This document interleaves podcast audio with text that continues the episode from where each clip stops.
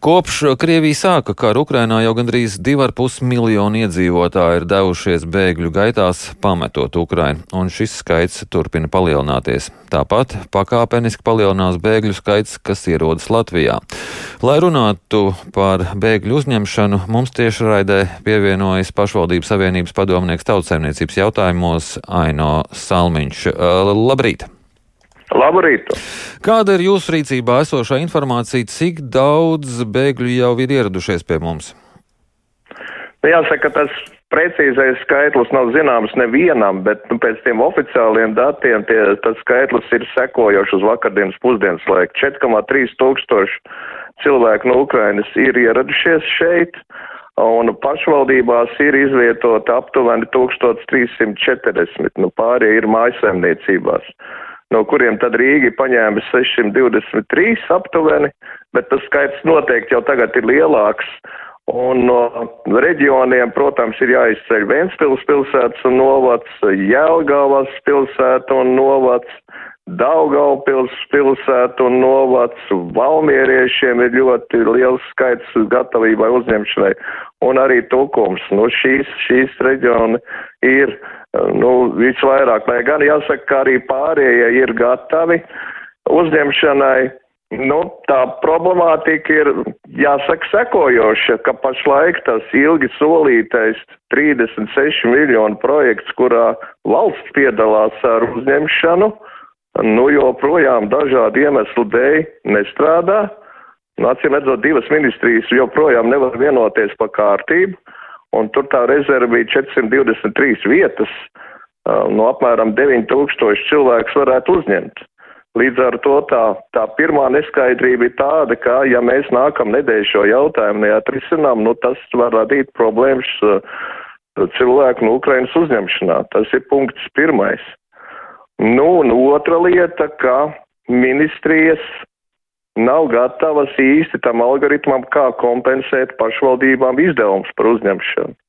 Jo faktiski visa veida finansējums gan viesnīcas, pa kuriem līgumi saslēgti ar ekonomikas ministriju par 36 miljoniem, gan paredzētais gājumī pabalsts, gan krīzes pabalsti, gan arī citi izdevumi, kas iet caur pašvaldību budžetiem, viņi nu, ir jāapmaksā pašvaldībām, tad pašvaldības cer uz to, kādā veidā valsts to kompensēs.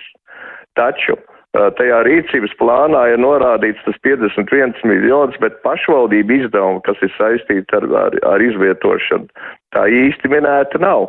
Jo, nu, neskādēļ sākotnēji bija doma, ka šo cilvēkus no Ukrainas izvietos mājasaimniecības un uzņems Uh, viesnīcās. Un tikai tagad mēs esam dažu dienu vēlāk tad attiecās, ka arī pašvaldību civilās aizsardzības plāni, kas strādā, kurā ir šīs pagaidu izmitināšanas vietas, kurā ir nodoma protokola un līguma. Taču tā problēma jau ir tur, ka pašvaldību civilās aizsardzības plānos šie izvietotās vietas bija paredzētas uz neilgu laiku, no divas, trīs dienas, piecas dienas. Un līdz ar to, kamēr valdība domām, nu, pašvaldībām ir problēmas par šo līgumu pārslēgšanu, un, un tas rada tādu diezgan lielu neskaidrību. Mēs esam par to informējuši ministrijas. Nu, es ceru, ka jaunedēļ līdz otrdienai un, un arī valdības koordinācijas padomē cilvēki beidzot izšķirsies par to.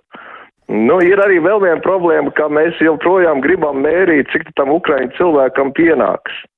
Un šī gadījumā gan es aicinātu atbildīgās institūcijas vienkārši nu, reaģēt uz to, ka pašvaldības maksā pēc fakta, nevis pelna.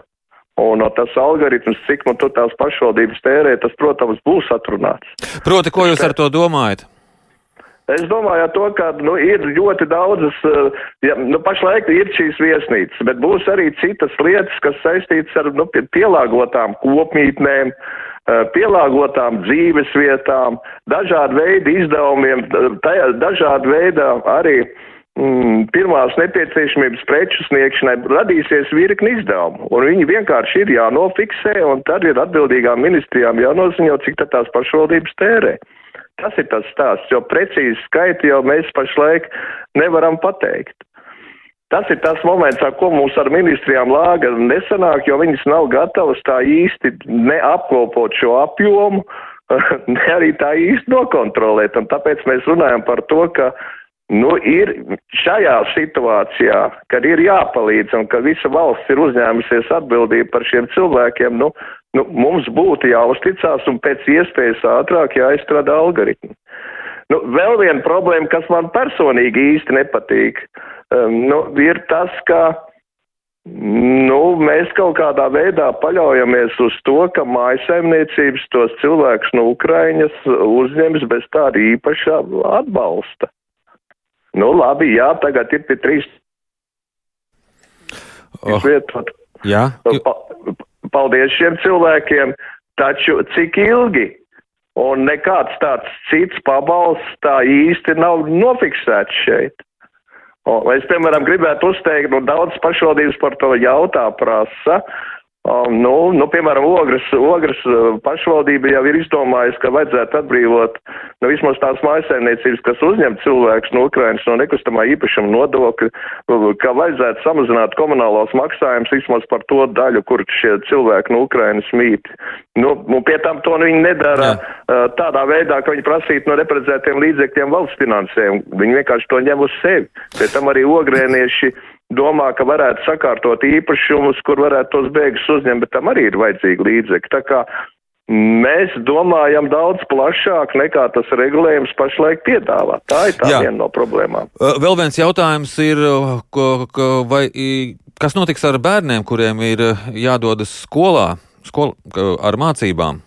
Par to arī. Jā, nu, Nu, mēs pēc tām proporcijām, nu, grūti jau ir pateikt, nu, pieņemam, ka būs tie desmit tūkstoši, neviens jau nezina, cik un, un, un cik ilgi tad turpināsies tā, tie, tas konflikts vai, vai, vai karš, bet, nu, mēs domājam, ka pašlaik pašvaldības pieļauj, ka varētu būt apmēram 4,5 tūkstoši bērnu.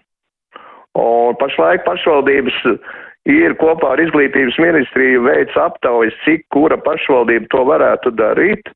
Un es domāju, ka pirmdien jau būs pirmie rezultāti, kas uh, varētu liecināt, un vismaz pagaidām izskatās, ka saistībā ar skolām pašvaldības ir apņēmušās šo jautājumu risināt visiespējamākā veidā.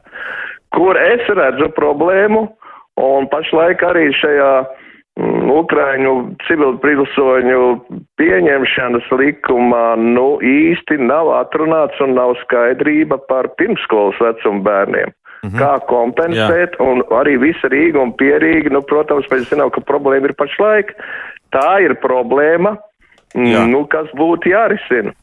Man jāsaka jums paldies par šo sarunu. Atgādinu, ka mēs sazinājāmies ar pašvaldības savienības padomnieku tautsaimniecības jautājumos Aino Salmiņu un runājām par bēgļu uzņemšanu.